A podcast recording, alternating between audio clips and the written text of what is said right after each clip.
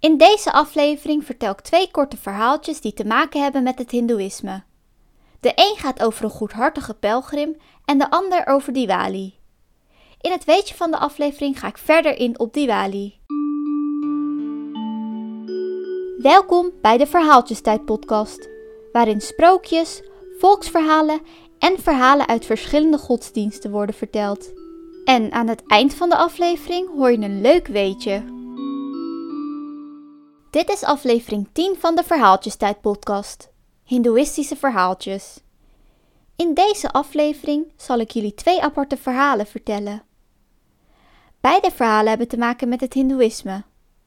Het eerste verhaal gaat over een goedhartige pelgrim die besluit al zijn geld te geven aan een oude vrouw. Het tweede verhaal gaat over een belangrijke feestdag binnen het Hindoeïsme, genaamd Diwali, ook wel het lichtjesfeest genoemd. Er worden meerdere verhalen aan Diwali gekoppeld, maar ik zal jullie het verhaal vertellen van Raam en Sita. Het oorspronkelijke verhaal is erg lang en komt uit de Ramayana. Dat is een heilige schrift binnen het Hindoeïsme.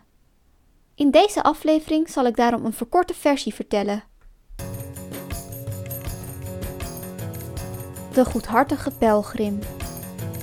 In Udupi staat een beroemde tempel gewijd aan de god Krishna. Jaarlijks wordt deze plek door duizenden bedevaartgangers bezocht. Lang geleden besloot een groep dorpelingen als pelgrims naar deze plek te reizen om daar Krishna Janmashtami te vieren.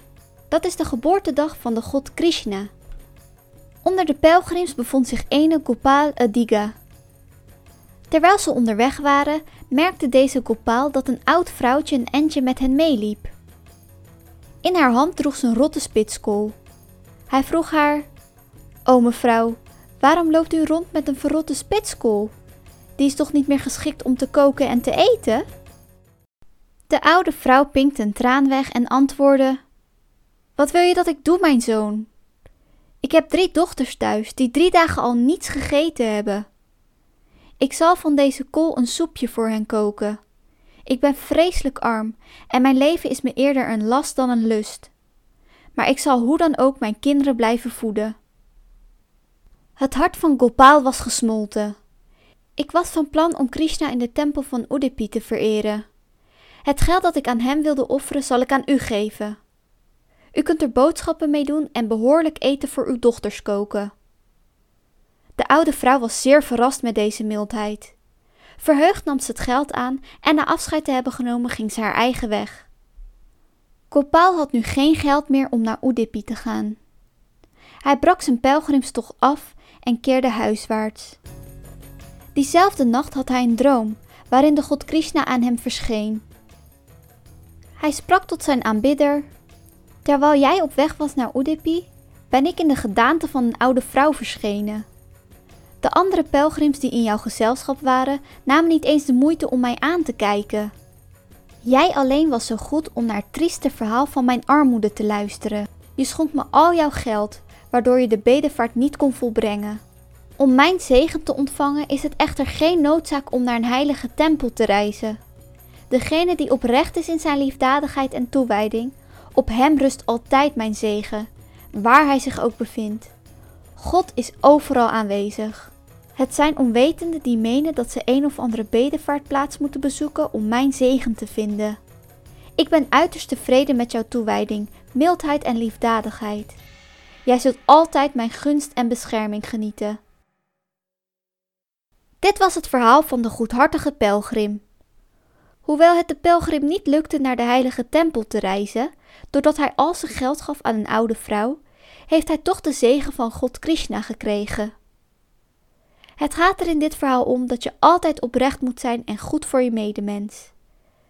Nu zal ik het verhaal van Raam en Sita vertellen. Duizenden jaren geleden leefde er in India een koning genaamd Dashrath. Om een zoon te krijgen organiseerde de koning een enorm offerfeest.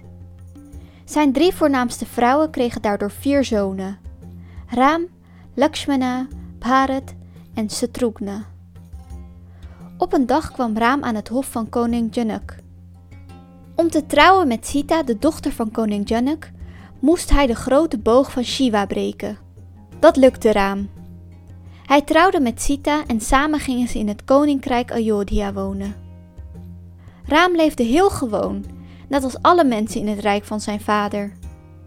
De mensen hielden van Raam. Hij kon het niet hebben als mensen uit het rijk van zijn vader oneerlijk behandeld werden. Hij vond dat alle mensen gelijk waren. Ieder mens was in zijn ogen immers evenveel waard. Overal waar mensen in het donker waren door verdriet, zorgde hij dat er licht kwam. Raam was een hele goede prins en zou zijn vader ooit als koning opvolgen. De derde vrouw van koning Dashrath wilde alleen niet dat Raam de koning zou opvolgen. Ze wilde dat Bharat de nieuwe koning zou worden. Ze zei tegen haar man: Je moet je andere zoon, Bharat, de koning maken en Raam voor minstens veertien jaar het land uitsturen. En dat deed de koning. Raam werd met Sita en Lakshmana verbannen naar een ander land, waar zij zich diep in het oerwoud schuilhielden. De koning stierf van verdriet en werd toen opgevolgd door Bharat.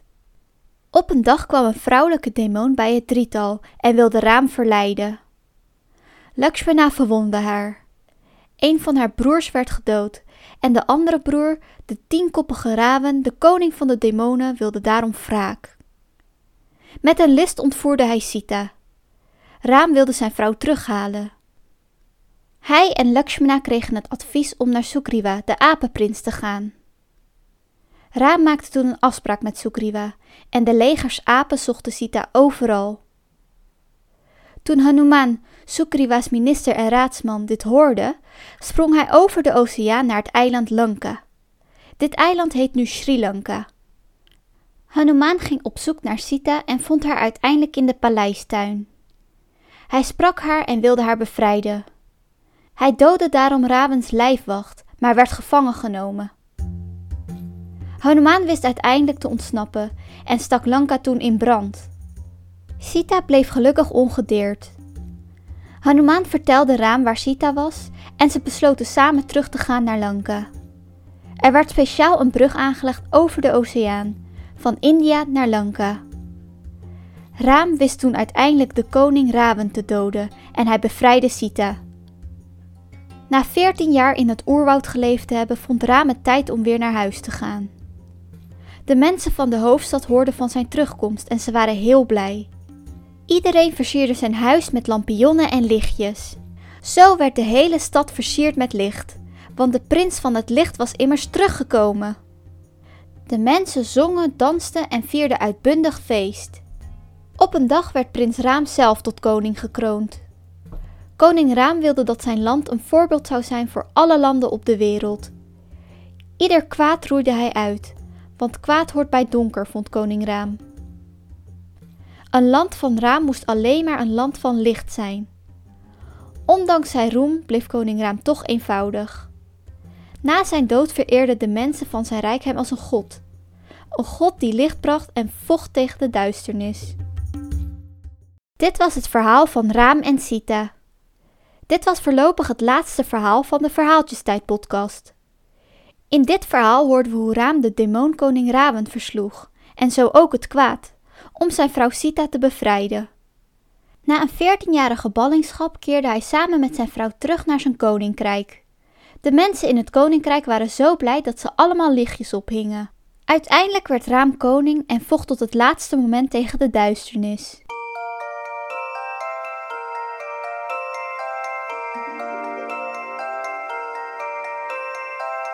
In het weetje van de aflevering ga ik verder in op Diwali.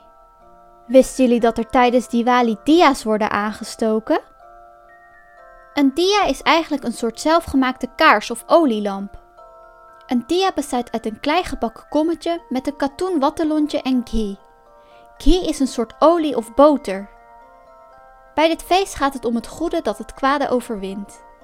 De voorbereidingen van Diwali beginnen meestal al dagen van tevoren. Het huis wordt goed schoongemaakt en mensen zijn vaak vegetarisch zodat alles wordt gezuiverd. Meestal valt Diwali in oktober of november. Dit jaar wordt Diwali zaterdag 14 november, dat is aankomende zaterdag, gevierd. Op deze dag worden er dia's aangemaakt en wordt er gebeden voor de godin Lakshmi. Daarna wordt er meestal uitgebreid vegetarisch gegeten en gedronken. Ik wens iedereen alvast een gelukkige Diwali. Oftewel, Shub Diwali. Dit was Verhaaltjestijd. Dit was voorlopig de laatste aflevering van de podcast. Heel erg bedankt voor het luisteren. Ik hoop dat jullie genoten hebben van de verhalen en als jullie nog opmerkingen of vragen hebben, dan hoor ik het graag. Je kan me vinden op Facebook of Instagram onder de Verhaaltjestijd podcast.